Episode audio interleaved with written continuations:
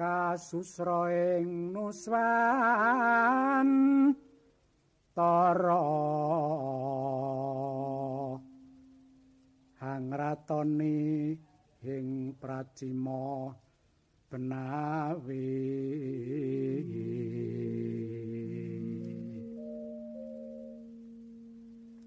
Nenggih nyai ratu kidul nadyan tan kasat mata.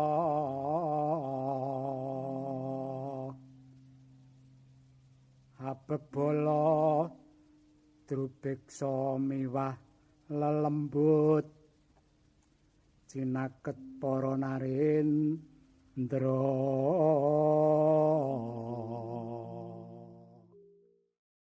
Assalamualaikum warahmatullahi wabarakatuh. Shalom, Om Swastiastu. namo buddhaya, Salam kebajikan. salam kebajikan. Nah, sound gue bagus nih. Yoi, Gimana nih teman-teman kabarnya semua Selamat datang kembali. di episode 4? Udah serem. Oke, udah lama banget kita nggak upload nih teman-teman. Iya, tempatnya sih gara-gara gua. Apa tuh? Gua lagi kena virus, virus cinta. Om Imron. Yoi, Om Imron. Gua anjir, tetangga.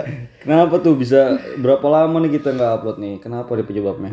Ini kayaknya kurang lebih udah dua mingguan sih ini kita Uh, dua minggu ya? nggak rekaman nih, nggak menyambangi Lebih dong, lebih. Kayaknya lebih dari dua minggu. nggak menyambangi mikrofon tercinta Iya. yang harganya sepuluh ribuan ini. Kenapa? Belum ngomong tadi kenapa? Iya, gue gara-gara tuh jadi kayaknya sih kurang fit ya badan gue kurang fit. Terus? Terus, gue booster, booster vaksin. Tapi emang udah waktunya booster apa belum? Udah waktunya. Oh, dari kantor tuh. Enggak, gue sendiri. Inisiatif. Inisiatif. Gue kan orangnya inisiatif banget, Bray. Oke, terus? Jadi gue pengen booster, terus gue booster, eh nggak lama Gejalanya ada malah sakit gue. demam itu gejala. Demam, coy. Oh. Jadi tuh ada apa ya? Flu-flu dulu lah, gue bersin-bersin, Hmm. nggak enak badan. Hmm. Habis itu meriang tuh gua. Nah, Hmm. pas meriang itu lah gue curiga tuh. Wah, anjir Om Imron nih. Om Imron datang Om ya. Imron datang. Demam gitu maksudnya demam. Iya, demam meriang lah. Akhirnya Waduh. positif lah gua, ya kan. Waduh. Gue emang orangnya positif, bre. Tapi nggak gitu. Gue nggak positif suka gitu. gue yang negatif Negatif- negatif negatif nggak ya. suka gue, nggak suka. Hal-hal negatif ya. Iya, jadi Tapi sekarang udah mulai membaik nih atau lagi reco- recovery nih. recovery. Jadi udah membaik, udah negatif, tapi recovery lah. Oke, berarti masih di booster pakai vitamin, gitu ya, Iya, olahraga, masih, masih gitu. booster vitamin lah. makan gitu ya. supaya balik lagi fit lagi dan bisa menyambut dan menceritakan Kisah-kisah horor. kisah-kisah horor. Ya buat teman-teman juga tetap jaga kesehatan gitu ya, Wan ya. Penting banget sih kayaknya. Mm-mm. Prokes lah, gue kerasa banget sih itu gara-gara Kenapa? Lu suka buka masker kali lu di kantor? sering banget sih gue buka Wah, masker. Wah, wah, ada Mahal razia. terusnya pengap ya kan? Hmm. Sering sih. Tapi ya gitulah. Tapi selain lu ada lagi di kantor lu? Banyak, banyak juga. Ini kan lagi naik-naiknya nih coy. Iya ya. Ini per hari ini aja katanya sampai berapa puluh ribu gitu. Udah tembus 50 ke atas. Prestasi baru lagi Indonesia. Asli coy. Tapi mudah-mudahan jangan ppkm lagi lah ya. Jangan, gak enak, gak enak, gak bisa jalan-jalan. Hmm, gitu. Tapi katanya udah boleh kalau yang udah booster tuh sama Pak D, Nih Lord, Lord. Lord, Iya. Yoi. Lord yang susah disebut namanya Susah itu kan. disebut itu gimana tuh Iya ya? keren juga sih. ya udah, Udah boleh jalan-jalan udah katanya. boleh. Kalau udah booster ya. Berarti gue kemarin boleh sebenarnya. boleh. Nyebar-nyebarin. Anjir ngeri. Oke, ya udah pokoknya teman-teman kita doain buat senantiasa sehat ya teman-teman di mana pun teman-teman berada jaga prokesnya jangan kayak Wanda ya.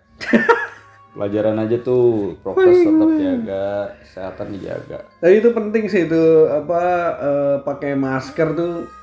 Menurut gue sih kemarin waktu gue sakit aja tuh gue sekali bersin ganti masker. Jadi gue sekali bersin, ganti. Oh, karena bau kali. Iya, bau udah masuk gue ternyata. Jadi gue ganti lah. Oke. Tapi tetap aja Itu bau. pakai masker, cuci tangan ya, jangan kebalik nih. Masa pakai tangan cuci masker ya. kan? Jangan pakai baju. Iya, itu dia. Nah, eh, teman-teman sekalian, eh, pada episode kali ini eh, kita punya tema apa wan? Apa tadi? Ya kan lu. Tema kita rumah. Rumah, rumah. Tapi bukan rumah yang biasa-biasa aja nih. Tentunya masih ada dibumbu-bumbui oleh eh, kisah-kisah Kisah yang romantis. yang romantis ada gitu ya, yang yang menarik ada dari kisah-kisah yang bakal Iya. kita ceritain. Mungkin kali ini eh, bakal cerita tentang pengalaman pribadi kali ya. Iya. Mm-mm. Ini mungkin pengalaman pribadi dan cerita-cerita dari orang-orang yang ada di sekitar gue ya. Tentang rumah lu apa tentang rumah siapa nih? Tentang rumah orang. Rumah orang. Wah, putus lagi, Bre. Wah, kenapa tuh, Bre? Tahu nih. Mungkin ada yang ini nih. Ada yang mau Ah, gitulah. Om Imron. Nah, ini ada gangguan. Eh, itu udah ganti emangnya, bukan yang aslinya. Asli. Oh, yang aslinya malah. Iya. Lu tadi ngomongnya putus lagi nih, Bre. Udah putus waktu itu satu. Ah, terus? Gue beli. Ya, berarti bukan orinya dong. Bridgingnya lama banget ini. Kita mulai ya ceritanya. Oke. Ceritanya dari gua sih pertama. Oke, dari lu. Tapi nanti yang kedua lu ceritain soal yang eh, kisah mistis di sekolah lo lagi ya. Boleh, boleh. Soalnya harus dilanjutin tuh kemarin kan sempat terputus gara-gara gua tumbang. ya Betul, kan? betul. Dan teman-teman juga pasti penasaran nih ada sosok apaan lagi yang mau gue ceritain di sekolah gue ya, gitu. Banyak tuh kocak-kocak. Kocak, aneh, gitu kan. Oke, silakan Wan. Nih jadi cerita pertama dari gua lah. Temanya rumah. Ntar mungkin gue juga ada gitu ya. Waduh, jatuh. Jadi dari gua sih ini pengalaman gua waktu kurang lebih usia gua SD lah ya, eh, sekitar kelas 4 kelas 5 SD. Ini, ini terngiang banget sih sampai sekarang.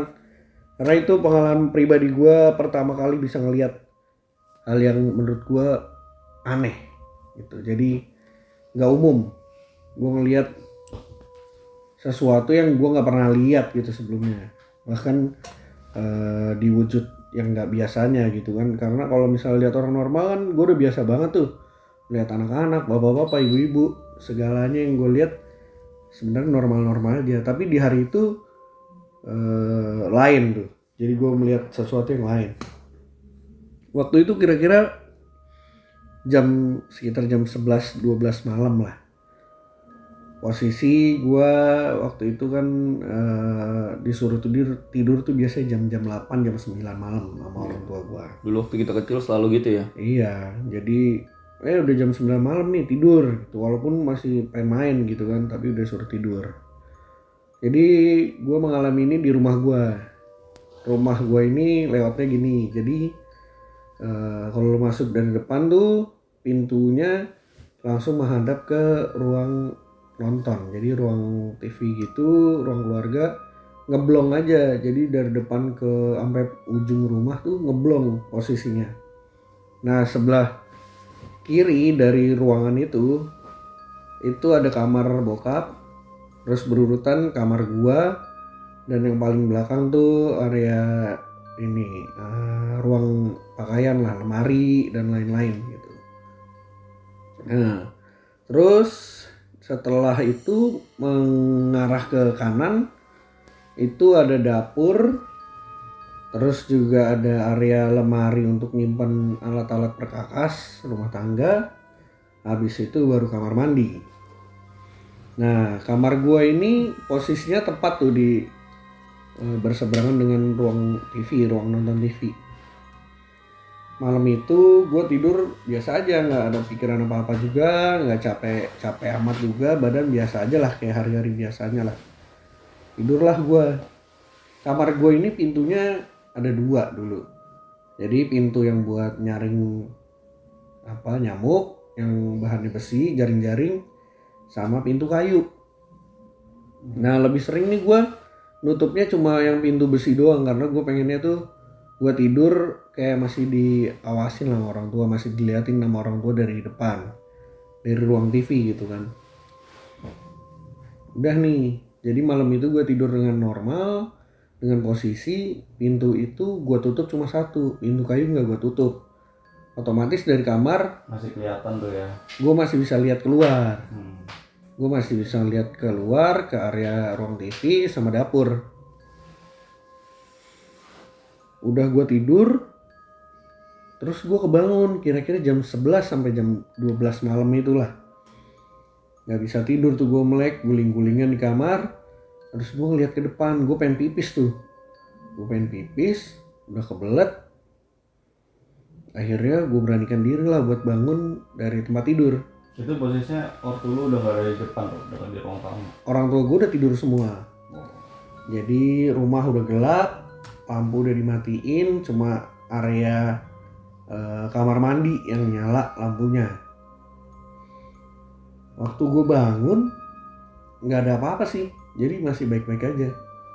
Terus mulailah gue melangkah mau keluar.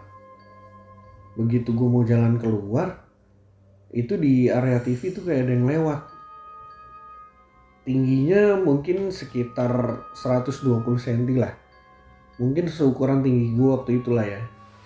Sekitar 120-an cm Hmm. nah dia tuh kayak berlari kecil ke arah belakang. Ke arah mau ke kamar mandi tapi ngelewatin area perkakas rumah tangga. Yang ada lemari obengnya terus palu kayak gitu-gitu. Makin penasaran lah gue karena harapan gue di situ adalah wah ini jangan-jangan bokap nih. Bangun mau buang air kecil juga. Itu posisinya lampu mati apa nyala? lampu mati. Oh. jadi gue lihat samar-samar. Gitu. Gue lihat dari dalam kamar karena pintu gue tadi jaring-jaring kelihatan tuh. Dia kayak melangkah cepat ke arah kamar mandi. Karena gue posisi takut gue ngira tuh bokap gue gue pengennya tuh gue buang air kecil ada temennya biasanya kan gitu kan yang masih kecil aja ya. nah, wah Dan ada teman ada temennya nih gitu mau buang air kecil ke kamar mandi Hmm. ada temennya gue buru-buru lah gue bangun Hmm. gue buru-buru bangun turun dari tempat tidur gue buka pintu terus gue jalan lah keluar udah nggak ada tuh terus nggak ada nggak ada bunyi pintu kamar mandi dibuka dan ditutup juga ya Hmm. Terus tapi gue nggak kepikiran apa apa tuh waktu itu. Buru-buru lah gue ke belakang. Buru-buru gue jalan cepat tuh ke belakang ke arah mau ke arah mar- kamar mandi. Tiba-tiba terhentilah gue di situ. Gue ngeliat tuh. Apa tuh? si sosok yang tadi itu lagi jongkok. Hmm. jongkok dan buka laci eh, perkakas yang isinya tuh obeng-obeng palu mur kayak gitu-gitu. Waduh. kaget gue coy. Yang lu lihat kayak gimana tuh? nah jadi ini gue ngeliat dia jongkok.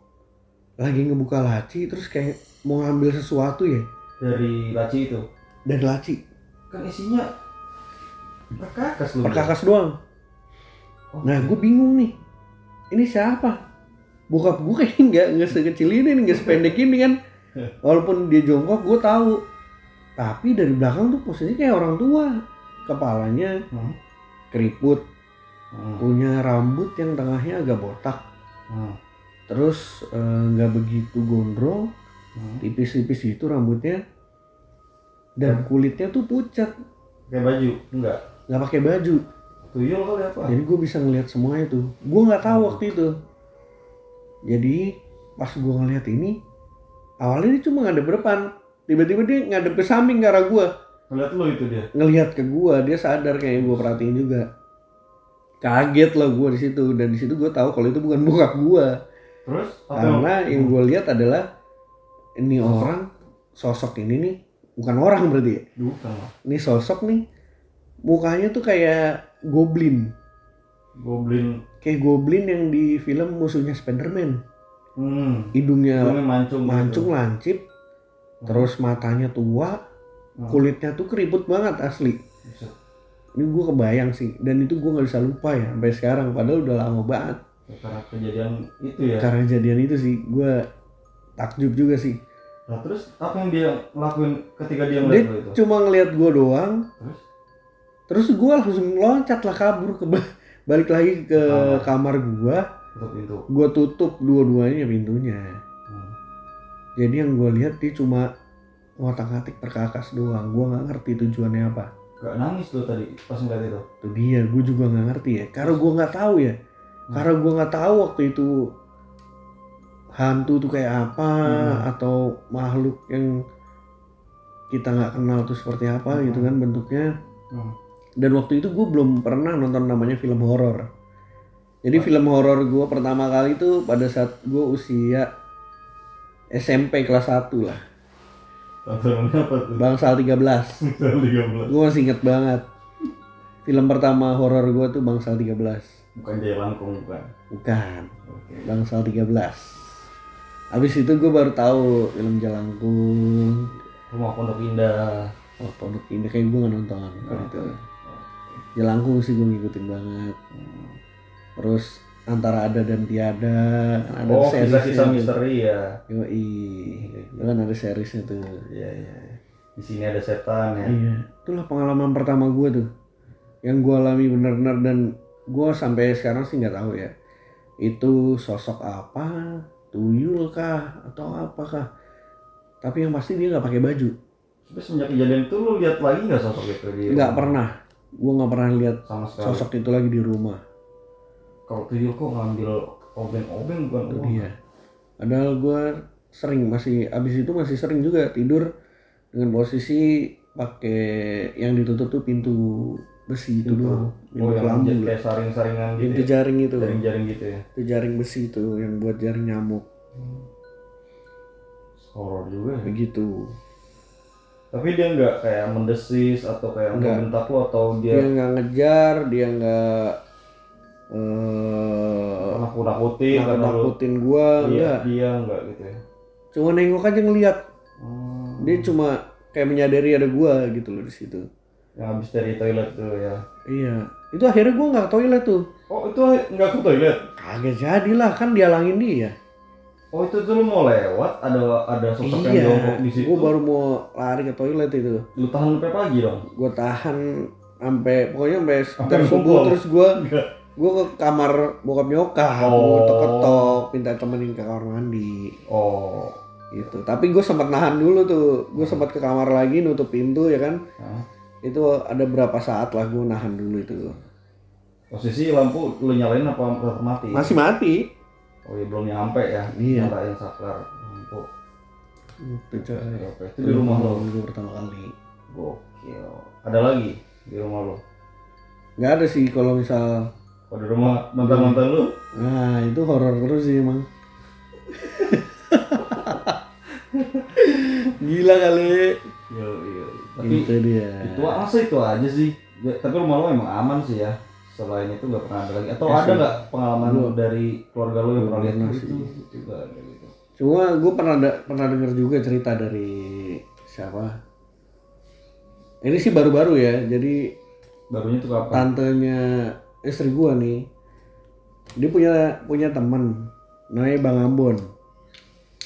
Nah, Bang Ambon ini, Bang Ambon orang Jawa. Bang Ambon orang Madura. Oke. Jadi Bang Ambon ini udah berkeluarga, Oke. punya anak eh, dua, Hmm. sama istri satu. Tuh.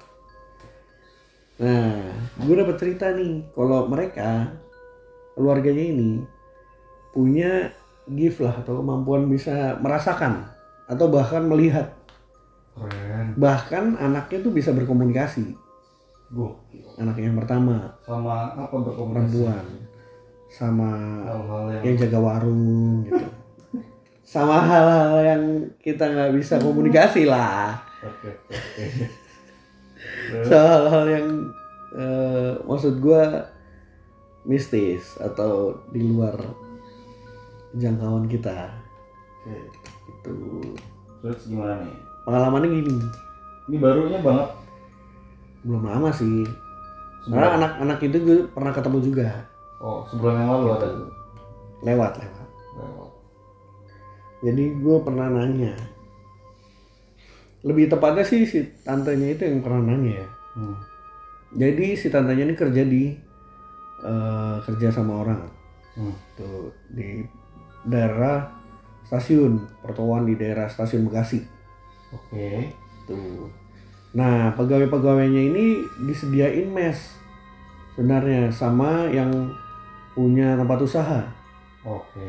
Jadi untuk tempat tinggalnya eh, karyawan-karyawati dari kantor itu. Oh, biar nggak pulang pergi Biar kalau nggak PP yang jauh, mungkin. Nah. betul di stasiun Bekasi, daerah stasiun Bekasi itulah.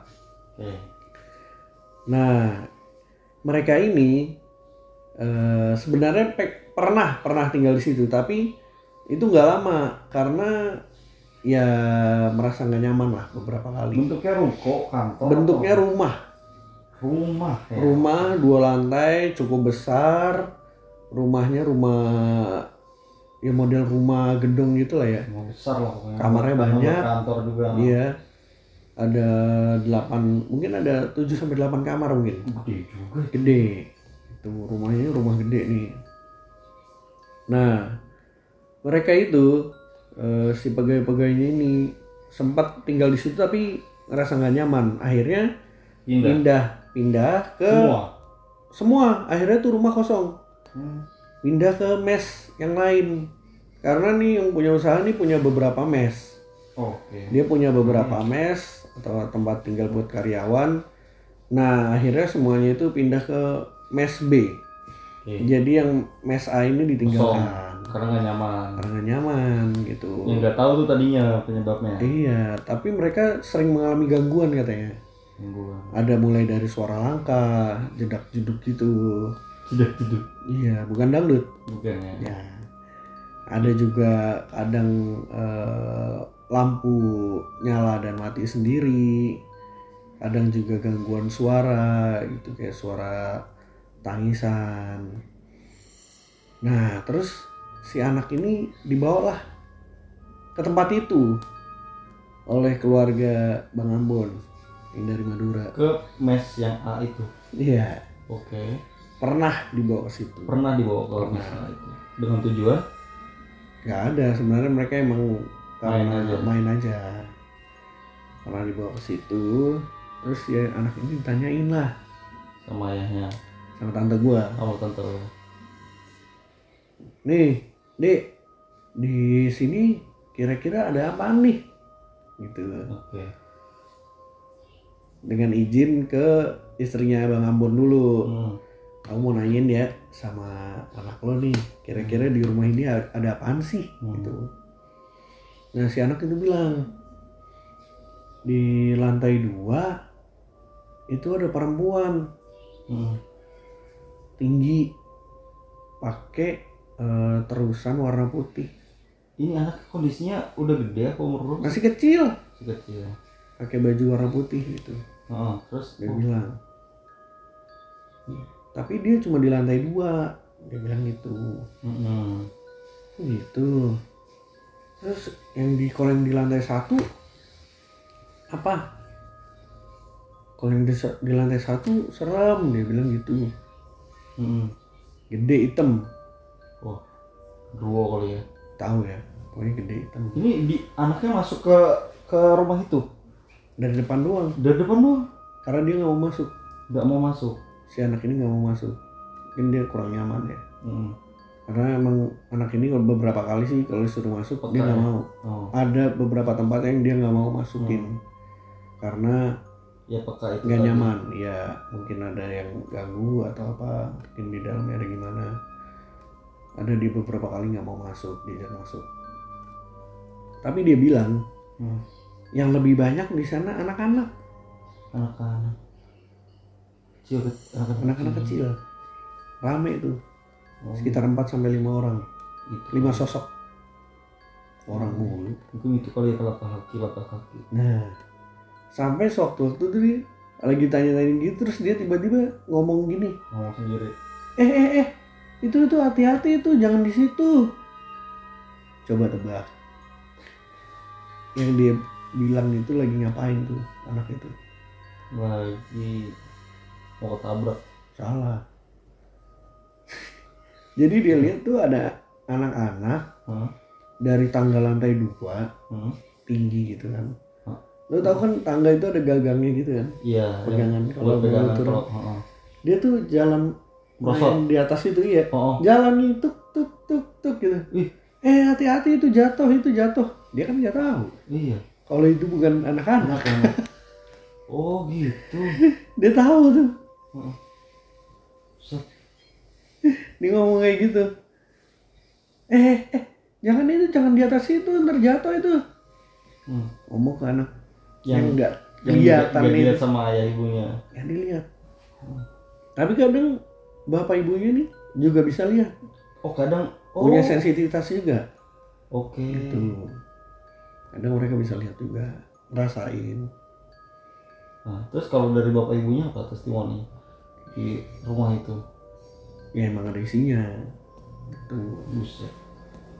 Jadi Itu yang membuat karyawan situ nggak nggak nyaman. betah. Mereka milih keluar dari mes itu pindah ke mes yang satunya lagi. Buset. Itu coy. Serem banget sih itu menurut gua. Berapa lama itu? Sampai sekarang nggak ditinggalin lagi mas itu. Kemarin sempat jadi tempat isoman buat pegawai. Loh, isoman di rumahnya begitu? Iya coy. Buset, itu ketularan Omikron juga berarti itu Bisa. anak kecil situ ya. Kecil yang nggak Itu tempat isoman tuh. Oke, oke. Sempat dipakai. Terus sekarang tuh udah nggak, Udah enggak. karena udah nggak ada yang isoman. Iya. Isoman sendiri itu. Iya. Tapi itu di situ di depan rumah itu ya, Hmm. itu pernah ada kasus. Ini gue tahu, tahu betul karena gue eh, pas itu kejadian, gue lewat situ. Ini bener nggak nih? Ini beneran dekat stasiun situ. Oke. Itu ada kasus eh, kos-kosan yang penghuninya ada yang bunuh diri. Ini di depan rumah itu. Iya. Deket stasiun. Belum lama, belum lama ini. 2000 2021. 2020. Oh. 2020 kayaknya. 2020. Oke. Oh, 2020 iya iya. Setelah udah Covid kok. Oke, udah ada covid covidan. Di depan rumah itu ada kos kosan. Eh, depan rumah itu ada kos-kosan. ada kejadian. Penghuninya salah satu penghuninya bunuh diri. Salah satu penghuninya bunuh diri. Antara bunuh diri atau dibunuh ya sama pacarnya. Hmm. Pokoknya itu sampai ada eh, garis polisi tuh. Gua Rame lihat, lah itu. Rame coy. Pas lu lewat itu. Nah, itu di bawahnya dia parkiran motor. Hmm. Di bawahnya kos-kosan itu. Oh. Parkiran motor orang-orang stasiun. Oh. Makanya waktu kasus itu, tapi itu terjadinya sih subuh ya, malam subuh gitu Oh, ya. lo, oh lu, lu situ dalam mau berangkat kerja. Pas habis nganterin ininya tantenya, Oh, oke. jadi gue sempat sempat beberapa kali lewat situ. Pas kebetulan lagi ada kasus itu, gue lihat rame apaan nih, Hmm. dikasih pembatas polisi kan. Hmm. Gue nanya sama tante gue, ternyata ada itu kasus itu, Waduh. antara dibunuh atau bunuh diri. Jadi cukup ada kisah tragis lah ya. Ada kisah tragis itu. Waduh. Tapi kalau Mayatnya tuh berceceran darah katanya di dalam di kamar, waduh, serem banget. Biasanya kalau yang TKP kayak kos-kosan, kayak kayak rumah yang kayak gitu tuh suka ada kisah yang begitu lama tuh hilangnya tuh yang kayak gitu tuh. Gokil sih. Gokil. Gua gua nggak bayang aja ntar yang pas nginep berikutnya. Iya, tahu Tinggal si kos-kosan berikutnya. itu bekas Kan dia nggak tahu. Iya. iya.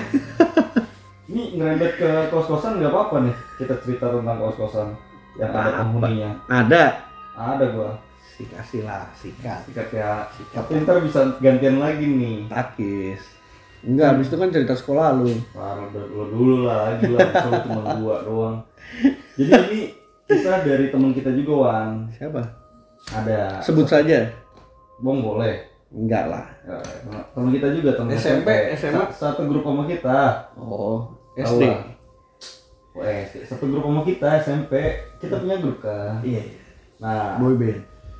udah gitu jadi gini waktu itu teman kita ini kuliah di Bandung nah teman kita ini kan rumahnya sama kita di Bekasi dia dia kuliah di Bandung yang mana dia ngekos di Bandung di Bandung itu eh, teman kita eh, kuliah di Telkom lah ya di Telkom Ibu kemudian tahu. kalau lu tahu jalan eh, Setiabudi Bandung tuh ya. Nah, kos-kosannya daerah-daerah situ tuh, Wah, Setiabudi. mahal tuh. Nah, lumayan sih. Ya Nah, Budi coy. temen gue itu beberapa kali pindah kosan.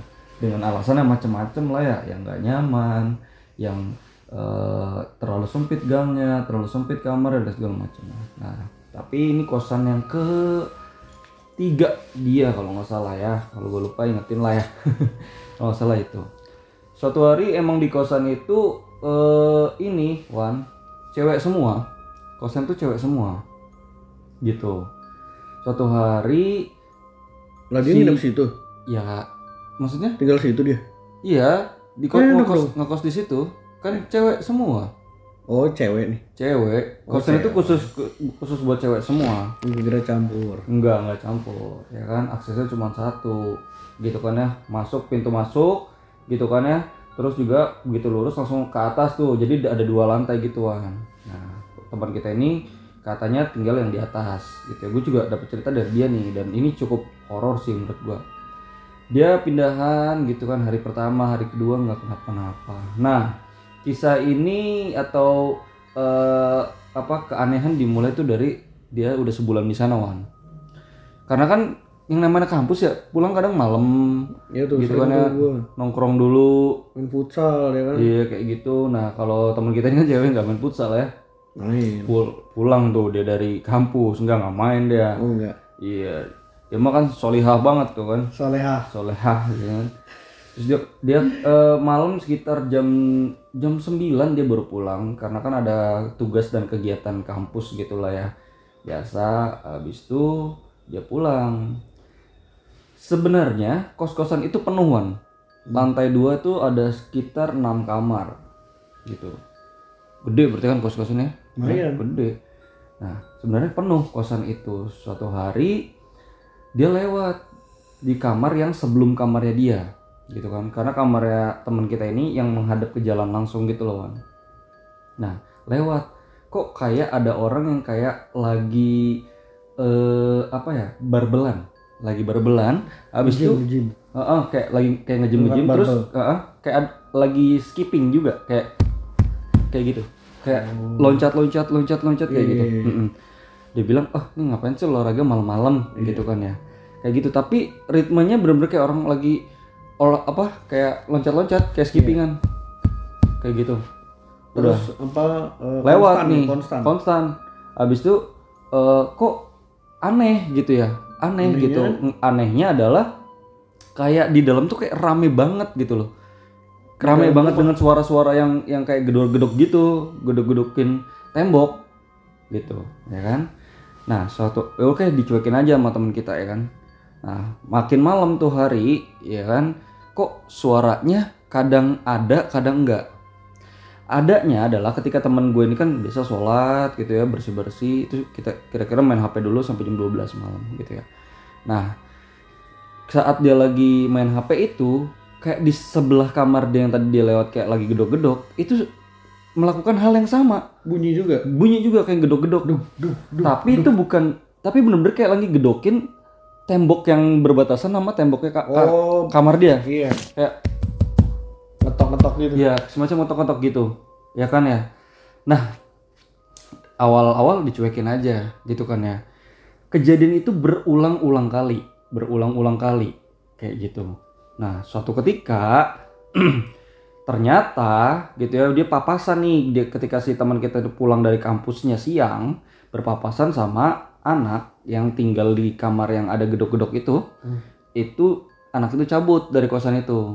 Pamit Oh, keluar berarti. keluar dari kosan itu. Keluar dari kosan. Oke, otomatis kamar yang dia uh, anak ada itu, ada terus nempatin sekarang kosong. kosong. Nah, kemudian kan dia udah tahu oh ternyata udah ada yang keluar nih, udah yang pamit gitu ya. Berarti ada ada yang kosong di kamar di tengah tuh, ya kan ya. Niat ya teman kita itu mau pindah ke kamar yang sebelah. Baru niat tuh. Cuman keanehan mulai muncul lagi. lagi. Udah tahu dong kamarnya kosong. Kosong. Kan? Tiba-tiba ada suara ngobrol di dalam kamar itu malam-malam. Nah, ngobrol kayak riuh aja ngobrol gitu. Riuh ngobrol. Kayak kita lagi ngobrol gini, kedengeran dari samping gitu kan. Oh, dia langsung mikir, ah, ini mungkin dari kamar yang lain gitu Yang ya, bukan kamar gitu. sebelahnya. Nah, tapi kok bener-bener di sebelahnya gitu. Deket banget. Suatu ketika teman kita coba ngebuka pintu, Pintu. kamar kosan dia terus ngelihat ke lorong gitu kan ya sambil Pintunya dengerin. dia nih ya? Iya, pintunya dia buka. Kok masih suara riuh tapi ternyata ada di suara kamar yang sebelah Yang kosong itu. yang kosong itu nah kamar yang sebelah itu memiliki jendela Oke. Nah, Iya, diintip. Kayak kamar-kamar kosan gitu ya. Iya tahu kan ya kamar-kamar kosan pasti punya jende- jendela kan kadang Iya. kan ada yang punya jendela dan enggak juga sih ini ada jendelanya diintip kosong nggak ada barang nggak ada apa cuman ruangan kosong aja Blong aja gitu. nah suara itu hilang. Masuk lagi teman kita. Ya kan ya? Kemudian yang Berani juga ya. berani gue jadi merinding nih. nah mungkin gak diceritain kali ya. Nah kemudian teman kita berusaha tidur. Nah gue inget banget inget banget karena waktu itu gue itu kon- kondisi gue di Jakarta lagi kuliah juga di Jakarta. Dia kan di Bandung. Dia dia SMS gue waktu itu masih kita belum ada WA kalau nggak salah belum se eh, banyak WA kali ya dulu ya Pager, pager. enggak enggak SMS dong Oh, oh. kan SMS kayak gitu kan Blackberry? SMS enggak enggak enggak, enggak BlackBerry Belum BlackBerry ya? Eh udah udah BlackBerry coy. udah, Cuman kayaknya waktu itu gue komunikasi sama dia via SMS deh. Kasian juga. Nah dia bilang Geng eh, bisa ditelepon nggak lu? Dia ngomong gitu. Nah gue bilang kenapa gitu kan ya? Iya gue but, gue butuh banget ditemenin nih gitu. Dia bilang gitu kan ya. Telepon dong, telepon kata gitu. Gue telepon tuh. Kenapa? Dia kamar sebelah gue kosong, tapi ada ada suara yang gedok-gedokin kamar gue mulu. Coba lu dengerin deh, Geng. Bentar ya, lu jangan dimatiin dulu please, kata dia gitu. Nah, bener aja Wan. Kita lagi lagi ngobrol, ya udah bahas apa kayak gitu ya Oh, iya, ngobrol. dengan posisi telepon masih nyala. Betul, tiba-tiba uh kencang banget tuh. Kenceng banget. Kencang banget. Temen gue sampai ketakutan kan.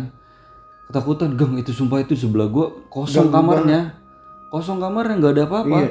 Kayak gitu. Nah, udah tuh Yaudah, udah deh berdoa deh baca ayat kursi. Gue bilang gitu kan ya. Hmm. Berdoa baca ayat kursi. Udah tuh berdoa. Besoknya eh, pokoknya singkat cerita tidur kan. Udah. Hmm. Malam itu nggak ada kejadian apa-apa. Besoknya kejadiannya lebih parah lagi.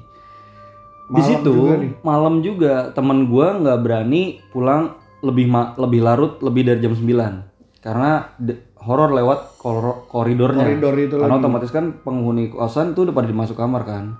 Nah pasti ngelewatin kamar yang kosong itu, yang tadinya dia Di kosan dia nih udah sepi ya kalau jam-jam Sepi. 8 jam 9 nih. cewek semua. Masuk semua tuh. Iya, pasti di kamar semua kan. Nah, karena kan selalu dia tadinya mau pindah ke kamar yang itu, tapi dia ngurungin niatnya dong dengan ada. Hmm. Iya dengan kondisi, kondisi gitu. gangguan-gangguan begitu ya. Nah, malam itu lebih parah. Dia pulang jam 9 Soalnya ini bentar nih, tapi si kawan ini punya kontaknya orang yang sebelah kamarnya itu nggak?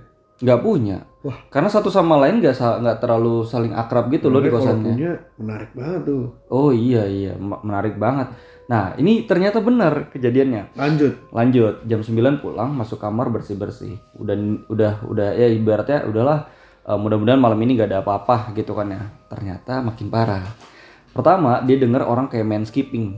Lo tau main skipping itu pasti ada suara buk buk bukan. Oh, Suara anginnya kayak angin wuk wuk wuk. buk buk buk kayak gitu. itu beneran dia denger itu. Kemudian yang kedua dia ged- biasa gedok-gedok lagi Gedoran lagi. duk duk itu dan itu ber, beritme duk duk duknya itu beritme ya kan dia ngeri ini ada apa gitu kan ya habis itu suara riuh lagi. Makin malam makin menjadi gitu ya. Nah gue nggak keangkat tuh. Pas dia lagi nelpon gue nggak keangkat. Karena posisi posisi gue udah tidur. Dia nelpon lu lagi tuh. nelponin gue terus tapi gue entah gimana gue nggak keangkat tuh. Ternyata malam itu dia lagi butuh gua- ditemenin juga kan. Maksudnya kalau ada apa-apa gitu kan ya, keadaan itu, iya. heeh, keadaan makin parah, takut juga kan. Nah ternyata mak- makin riuh. Dia cerita ke gua, makin riuh, suara kayak cowok lagi ngobrol. Padahal itu kosan Oh, cewek. Oh iya. Kan tadi gue bilang itu kosan cewek. Itu bukan kosan Cowok ya. lagi ngobrol, jelas ngobrolnya, Rame pula. rame. Dia makin bingung kan, wah merinding, merinding juga gue jadinya nih, ya kan? Pas dia lagi, dia penasaran, takutnya kalau emang cowok berarti kan penjahat dong kayak Iya. Kok masuk ke kosan cewek gitu ya? Bener, Bener, aja Wan. Karena makin ganggu kayak digodain kayak duk duk duk duk. Nah temen gue memberanikan diri. Siapa sih? Dia teriak gitu. Musuh ganggu deh gitu-gitu kan ya berhenti tuh Berani makin lama duduknya makin kencang kayak duk duk duk duk duk duk duk kayak gitu nah Buset. teman gue kesel kan digituin kan ya udahlah ditantangin sekali sama dia buka pintu kamar dia langsung gedor kamar yang sebelah karena kamar yang sebelah yang eh, nggak ada tempat ini tuh nggak dikunci wan. Oh, Oke. Okay. Jadi bayangin ada jendela, cuma ditutup doang nggak dikunci. Kuncinya hmm. ada iya. di ibu kosnya kan. Hmm, dibuka aja. Hmm, dibuka lah itu kamar. Ada dong wan sosok cowok di pojok kegeletak lehernya lehernya berdarah-darah. Dari situ cek temen kita itu teriak histeris ya. Histeris melihat sosok itu keluar semua orang kosan. Rame lah ini. rame kosan. Gitu. Kenapa kenapa? Ya itu itu itu. Tidak ada apa? Itu ada apa? Kalau yang lain pada nggak bisa lihat dia ngeliat. Dengan jelas tuh sosoknya kayak gitu di pojokan. Gitu. Dan di pojokannya itu adalah di pojokan yang dindingnya nyatu sama dindingnya, Dindingnya sebelah. dia. Heeh. gitu. Itu di pojok. Wah pokoknya sampai uring-uringan malam itu sampai untungnya nggak kesurupan diceritain ditenangin sama ibu kosnya. Singkat cerita teman gua karena udah ketakutan diceritain lah. Nah ini nih. Diceritain. Ini. Ternyata dulu ada yang meninggal di kamar itu. Cowok. Jadi sebelum kosan itu menjadi kosan Cewek. itu dulu kosan campur. Campur. Begitu. Dan kebetulan di kamar yang di situ pernah ada kejadian dibunuh hmm. sama orang. Pembunuhan. Pembunuhan di situ. Ya kan? Nah dari situ pokoknya eh, kosan itu apa apa ibaratnya kayak merubah jenis model bisnisnya lah gitu ya. Dari kosan campur ke kosan jadi cewek. iya dari kosan campur jadi kosan cewek gitu. Betul, betul, betul. kayak gitu nah anak yang pindah.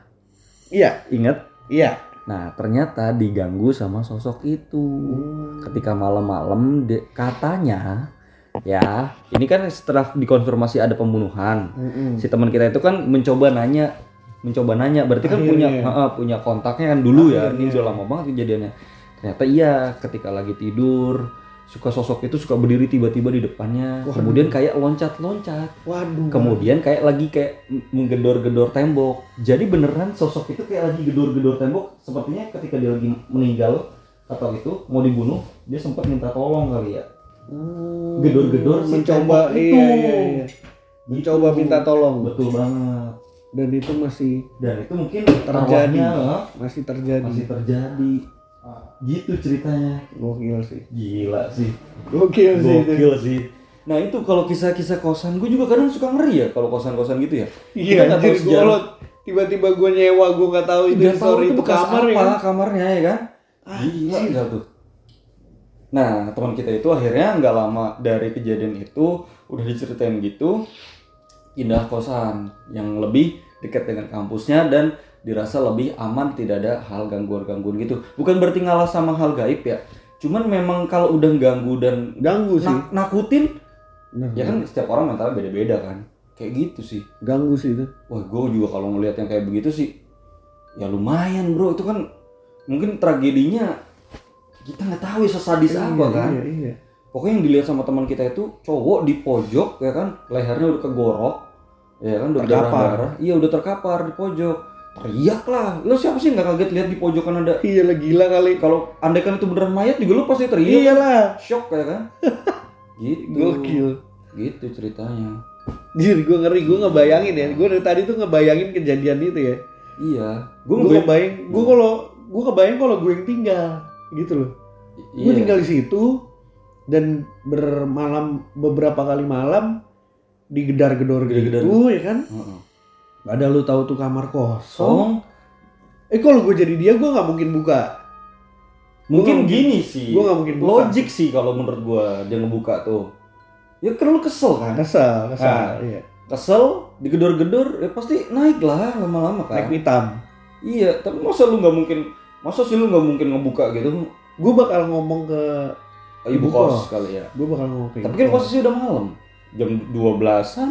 gue ini dulu tidur di kamar teman. Oh, kalau kenal ya. Iya, soalnya gue beda-beda sih kan orang. nggak yang senekat itu gitu Iya. jadi udah kesel nih ya kan paling gue bakal ngomong tetap ngomong lu lu oh, siapa sih lu gangguin gitu kan Iya, cuman gak sampai menggerutu tapi gue nggak mungkin buka buka. pintu. Nah, mungkin nih kesel kali ya. iya paling Dan gue ya- bakal menggerutu ya Ya, yang makin bikin shock dia mungkin dia dengar suara cowok. iya. Loh kan itu kan kosan khawatir. cewek kan? Iya Dia khawatir, khawatir dong. juga tuh. Masa ada cowok di kosan yang bener-bener nggak campur kan? iya. Kosan cewek khusus muslimah. salah satunya itu juga tuh. Mungkin gitu ya cara orang menutupi ini kalian maksudnya ya udahlah Oh, ini kalau gila itu. kalau campur kan berarti ada potensi bla bla bla. Udah deh cewek semua deh biar gampang ngurusnya gitu. Mungkin ya. Gitu. Ternyata masih ganggu.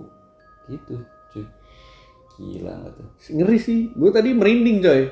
Gue dengerin sambil gue ngebayangin gue merinding. oke gue nggak bayangin gue di situ gue. gila tapi emang kalau kosan gitu emang yang kita nggak tahu riwayatnya gitu ya itu Gila sih. Soalnya di kosan gue di Jogja juga pernah kayak gitu dulu. kosan lu Jogja yang mana nih gue beberapa kali Ah iya, lu pernah ya. Tapi lu Yang pernah ya? mana? Kosan gue yang pertama kali. Yang dia tuh, yang bapak kosnya gendut. pernah anjir pernah Pernah lu ya? yang kecil sih? Iya, yang masuknya Se- gang. iya yang masuk Masukin gang. motornya gang, Iya, terus iya. di dalam tuh ada kayak area parkir Iya, motor. iya. Nah, lu tahu kan? Pernah, pernah. Nah, Pernah, dulu pernah. dulu jadi gue pernah ini gua pernah- ini kejadian sebelum keluarga lu semua pindah ke Jogja ya? sebelum. ya kan soalnya kan Sebelum. ke Jogja semua kan gitu Iya, Iya, sebelum iya, itu, itu jauh sebelum. Karena awal banget tuh awal gue yang masuk. kita makan ayam Kuliah. ayam ini ayam pedes itu Iya, Kobis. siapa? iya pokoknya itulah Iya. Eh, iya oke oke oke ayam goreng Kobis. Jadi di situ gue enak sih anak-anaknya guyup banget. Cuma hmm. ternyata tuh kosan punya kisah horor. Itu di kamar yang posisinya tuh di ujung-ujung. Jadi ada dua kamar yang posisi di ujung. Jadi dia nih bentuk kosan itu kalau teman-teman bayangin nih bentuknya tuh kayak kantong semar. Jadi nah, jadi masuk sempit terus di dalam tuh ngantong gitu kan bentuk letter U lah ya. Hmm. Nah, di letter U itu kan kalau U itu berarti kan ada ujung kanan, ujung kiri tuh, iya ya kan? Nah, di bagian ujung kamar kanan dan kiri itu kamarnya tuh lembab banget. setiap yang pojok-pojok ini Udah ujung lembab, jarang kena sinar matahari. oh Karena dia pintunya tuh ketutupan sama kamarnya yang sebelah kirinya dia. Dia tuh Oh, pintu iya, masuknya menjorok ya, gitu. kalingan ya Iya, dia man- masuk Ah. menjorok gitu pintunya. Kalingan sama kamarnya yang ada di sebelah kirinya dia, sama di depannya dia. Jadi dia kayak masuk gang gitu baru kamar dan itu kamarnya gede. Itu sebenarnya buat orang yang slow-slow aja jadi pilihan tuh karena gede, mojok lagi mojok, Yoi. gelap. Wah, enak banget tuh buat Yoi. cewek. Jadi ini agak ekstrim juga. Jadi si penghuni dulu ini itu yang menghuni di situ senior. Dia pernah Oh. beberapa kali cerita. Mungkin dia juga malas juga sih nyeritain karena kan dia masih tinggal di situ gitu kan. Tapi dia pernah cerita ke teman-teman waktu lagi ngobrol-ngobrol lah kita lagi ngumpul dan ngobrol. Dia pernah cerita kalau dia beberapa kali tuh ditongolin eh, perempuan, sosok perempuan yang pakai baju putih ya. Kalau kita Hmm. tahu ini lamba kunti lah ya. Hmm. Itu sering banget nampakin diri. Di kamar itu Iya, tuh dia lagi mundur tidur. sedikit deh sebenarnya gue lu agak-agak lupa lupa inget nih Koki itu posisinya ada berapa kamar sih totalnya itu kan U nih Iya. 10 ada nggak sih Waktu gue tinggal, jadi kalau posisi sekarang dia udah jadi dua lantai, udah makin Hmm, gede. udah makin gede. Nah, waktu gue tinggal, itu kan lantai dua masih dibangun tuh, Hmm. masih setengah. Hmm. Yang setengah udah dipakai, depan doang. Yang belakang tuh belum dipakai. Hmm. Nah, dia tuh letter U, itu posisi kamar tuh jumlahnya mungkin sekitar 15 lah. Oke 15 Gede kan tuh. tadi lu cerita ujung Karena dia ujung panjang nih kan. Iya. Nah, Oke ini ujung yang kiri apa yang ujung kanan nih yang senior lu cerita nih ini yang sebelah kanan. Oke sudah dari masuk. set masuk kanan Kantong pojok kan. ah Set, nah dia tuh di kamar kanan. kanan Iya. oke Karena yang kiri tuh ada lagi itu nah eh iya nanti yang di kiri tuh juga sama itu senior juga. Dan berarti itu juga setiap yang pojok dong yang punya kisah iya anjir unik tuh dong uniknya oke itu. oke lanjut lanjut Jadi posisi dia nih pernah cerita dia lagi tidur hmm. di waktu malamnya dia itu. Eh, kira-kira dia kan suka tidur tengah malam ya. Nah itu kira-kira subuh jam 2an, jam 3 jam 2 lah ya. Hmm. Kebangun dia penasaran karena ada gelodakan di kamarnya. Dia tuh tidur. Hmm. Kamarnya ini ukurannya mungkin sekitar tiga setengah kali empat, gede. gede dong Gede, coy. pojok itu enak Tapi banget. kamar lu kecil. Kamar gua kecil tiga kali tiga. Enggak, ya maksudnya nggak gede seluas itu. iya, Oke, dia tiga setengah kali empat, gede. Oke. Nah, karena gede, terus kamarnya digelodakan, penasaran. Gelodakan apa gitu kan? Mm-mm. Terus dia posisi nggak nyalain lampu kan, dia melek lah sedikit. Itu di depan dia tuh depan kamar lah, ya. mendekati pintu kan dia Hmm. tidur menghadap ke pintu gitu kan, kasurnya dia. Dia bangun gitu tuh ada cewek itu diri depan pintu, Jelas. jelas kata dia, jelas banget. Tapi dia nggak orangnya bukan penakut bray, Terus disamperin. kagak. Enggak, oh enggak. Malah dia ngomel, Oh. wasu, ngopo kowe ini gini? Waduh, kasarnya. Kasarnya tuh. Terus? marah lah ya udah kalau setiap kali ada kayak gitu dia Marahin terus. marah dan lempar barang gantian Oh. gelodakan gelodakan gitu kan Oh. dia pernah ngelempar apa eh, papan tulis kecil ya Hmm. kan dia sering pakai gitu kan karena juga ngelempar apa namanya pokoknya barang-barang yang Ya, sekitar lah, Nah, karena dia lah, kesel gitu. iya nah mungkin karena orang ini Pemberani. skeptis lah kayak gitu-gitu Iya. ya. Dia tahu sebenarnya tapi kesel Iya. gitu. Dia ngapain nunjukin diri gitu kan Iya. dia. Dan sampai sekarang gue nggak tahu tuh hantunya tuh masih di situ apa kagak. Wah, anjir. Soalnya udah lulus senior gue nih. Udah lulus dan dari situ. Terus yang pojok satu lagi. Yang pojok satunya sama Kunti juga. sosoknya. Gue nggak tahu ya tujuannya apa ya. Gue nggak ngerti dah. Sama. Aneh sih. Menurut gue Di sih. kosan aneh. itu. Hmm. Kalau gue pernah ngalamin di kosan itu, ini tapi gue masih ini juga ya, gue masih ragu ini apa sebenarnya. Lu sendiri Iya, gue masih ragu. Gue sendiri, gue ngalamin sendiri. Gue tidur di kamar gue. eh, jadi gue sempat pindah kamar lah, tapi kamar gue itu menghadap ke eh, jalanan, eh ke jalan kecil yang menuju keluar itu loh. Kan tadi masuk ke parkiran lewat jalan Ini kecil itu. yang gue ingat lorong. kita pakai motor lu yang biru ya dulu ya. Iya coy, kayak gitu. Ya, oke oke. Nah, gue tidur nih, abis nonton bola lah. Posisi kawan-kawan juga abis nonton bola itu, jadi pada tidur malam semua. Tapi Hmm. ini gue ngalamin, eh gue sadarnya adalah pada saat gue kebangun, emang udah kondisi itu sepi banget kosan. Hmm. Udah hening lah, berarti udah pada tidur nih bocah-bocah nih. Oke. Udah pada tidur. Terus di kaca gue tuh bunyi celetak, celetak, celetak. Tunggu. kayak kaca. Lu tahu kaca yang zaman dulu kan? Yang kalau misal bukanya gini Oh iya tahu tahu. kaca zaman SD Oh, ya kan Iya, yang buat dandan-dandan. SMP Semacam gituan. kaca jendela Iya, kaca tapi jendela. dia satu dua Paham, tiga paham, empat paham. itu Oh, berjejer kaca gitu. jendela yang kayak gini. Ya. Ah, iya, jadul-jadul gitu, coy. ketek- ketekin gitu Iya. ya. Oke, oke. jadi itu yang bisa dibuka naik turun dia yang isinya tuh kayak berlapis-lapis kaca ya, tahu, kan tahu, tahu. kalau lo mau buka dia akan kebuka bareng-bareng kalau mau tutup tutup Bareng-bareng. gitu kan ada kayak ininya lah handle-nya nah di kaca itu tuh kayak dicetok-cetokin. Kayak jari lu ngenain kaca. Bunyinya gimana sih? Cetok cetok. Nah gitu. Cetok. Tapi gitu-gitu dong cetok. Cetok. Gue penasaran dong. Kan ketutup sama gorden kan? Iya. gue singkapin lah gorden gue gue singkapin sedikit. Itu kayak kepala ular coy. Yang benar.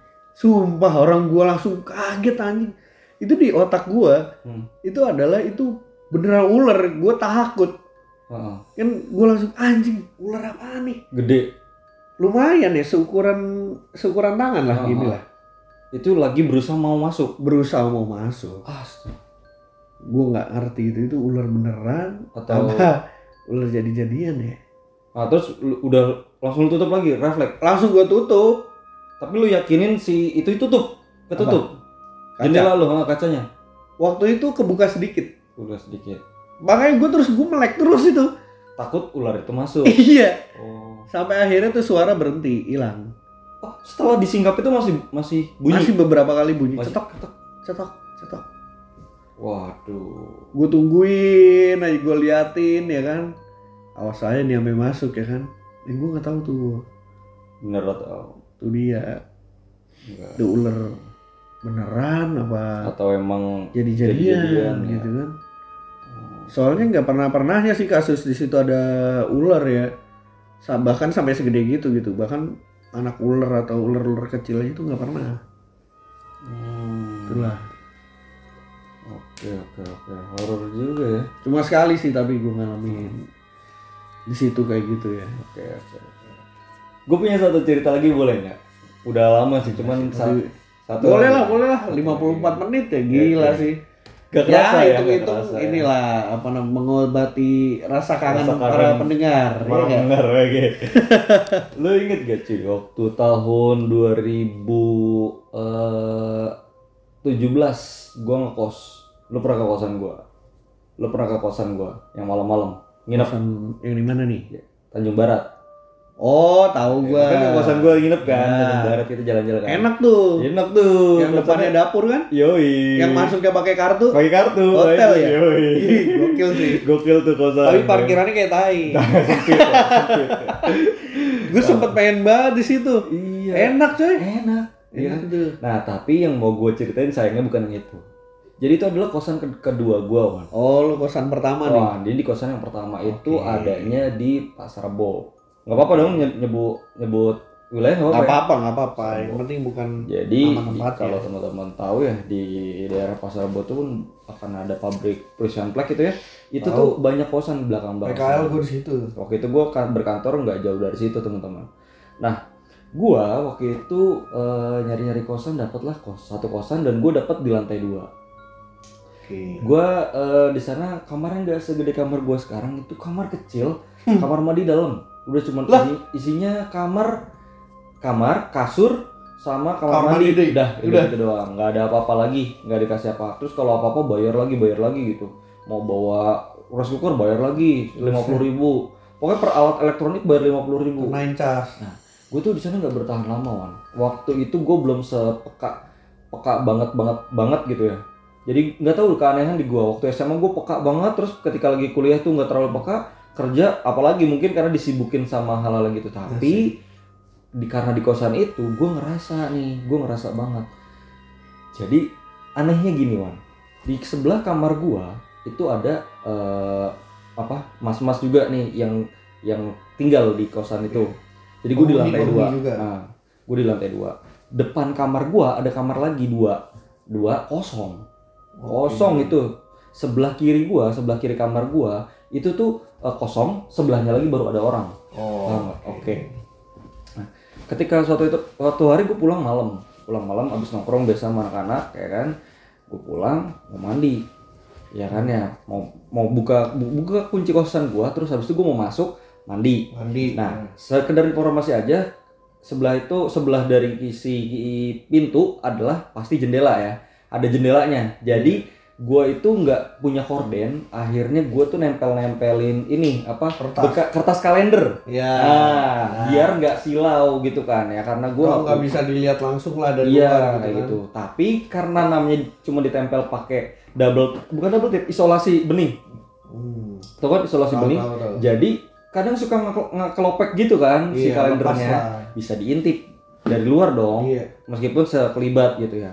Ketika gue mau buka itu posisi gue jam 8 malam.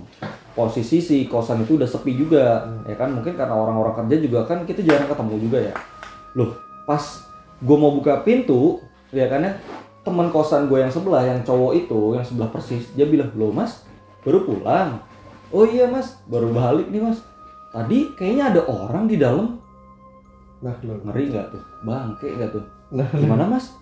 Tadi saya lewat jam tujuan kok mas baru gitu kan ya jam tujuan kan gue pulang jam 8 ya? Iya.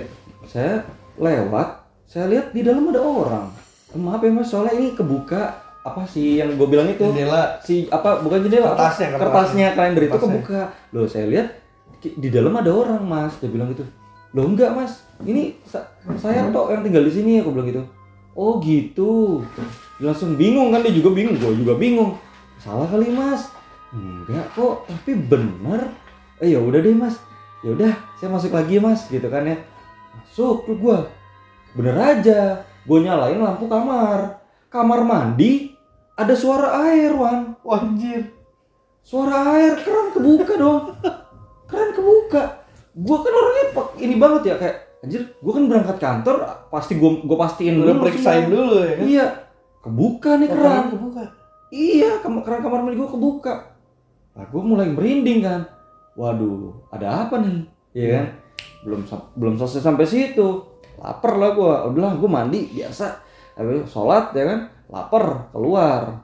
Keluar tuh sekitar jam 10 jalan tuh jalan kaki. Hmm. ya kan? Karena di sekitaran situ kan gang-gang sempit gitu kan kadang kadang pinggir jalan juga suka banyak ada tukang nasi goreng Iya, tukang jamu kayak gitu-gitu kan ya masih banyak anak yang suka nongkrong di warung lah gitu yang ya nggak Hmm. nggak bukan suka juga maksudnya masih ada yang nongkrong lah.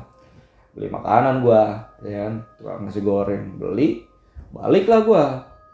Balik gua selalu mastiin kamar gua tuh kekunci wan. Ketika gua ketika gua mau masuk lagi kamar kamar gua nggak kekunci. Kamar gue gak kekunci bro. Kan apa gue yang lupa apa gimana? Nah oke lah anggaplah gue lupa makan lah gue nggak ada TV wan kamar gue gue nggak bawa elektronik apa apa karena suruh bayar lagi. Makan. Ngantuk ya kan? Pa- apa waan gitu ya biasa. Kunci pintu karena takutnya ketiduran. Tiduran. kunci pintu. Kunci pintu kuncinya gue cabut dong. Hmm. ya kan? Taruh gitu kan ya. Udah pastiin tuh kunci dua kali kan? Iya. Karena lu habis ngira tuh pintu kok. Ya am iya kok. kunci itu Eh, kan. nggak kunci pasti lu was-was juga. Was-was juga kan. Makanya Nah. cek-cek ulang. nah tidur nggak nggak ngerti gimana gue tidur posisi tidur biasa aja gitu gue nggak nggak tengkorup nggak apa gitu kan gue nggak punya bantal kan gue cuman kasur tok sumpah itu gue kayak orang kismin juga ya kasur tok gue tuh nah gue tidur tuh cuman pakai alas kayak sarung sama sejadah doang ngadep, ampun. ngadep ke ka- ka- ngadep ke pintu Yang di situ juga ada Iya. jendela. ya situ juga sebelahnya ada jendela kan Iya. Nah, jam sekitar jam satu lah, Wan. Jam satu kan. Itu tuh gue gue ngerasa ada yang kayak nepok-nepok paha gue, gitu. Nepok paha gue dong. Otomatis gue kebangun dong, Iya. kebangun. Apa yang terjadi? Pintu gue kebuka. Pintu gue jeblak, bro.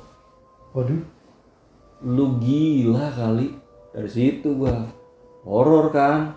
Lo kok bangke, ya kan ya. Gue nggak peka tuh, gue nggak lihat apa-apa. Gue kayak ada nepok, kebangun, pintu gue udah kebuka. Kebuka. Tapi nggak ada barang hilang.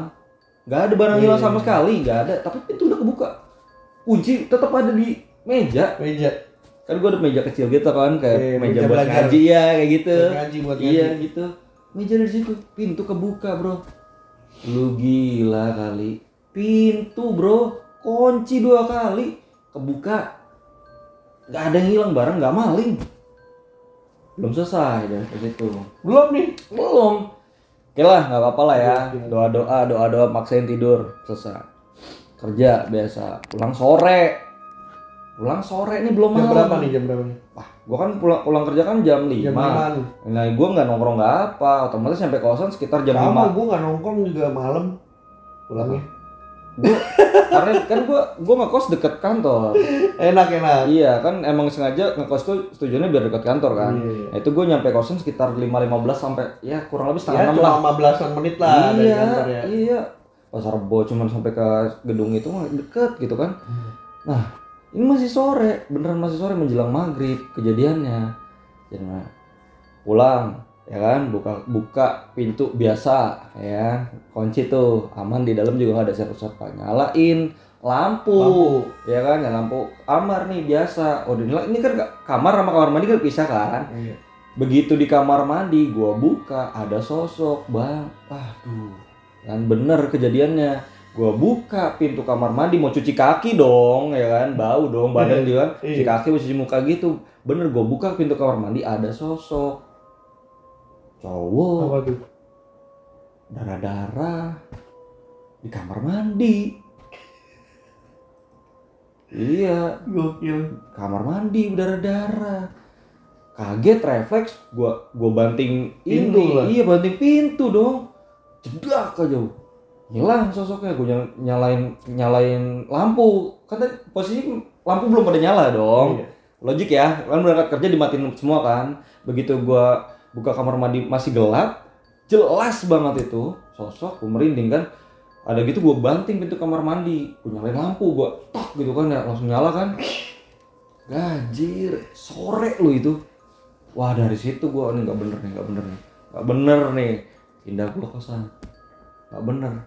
Gue nggak ngerti gue dan gue nggak diceritain di situ juga pernah ada kejadian apa gue nggak tahu. Lu nggak mau cari tahu tuh? nggak nggak mencari tahu Langsung cabut aja udah. pokoknya nggak lama setelah kejadian itu udah gue gue pulang ke Bekasi terus akhirnya ke rumah ini.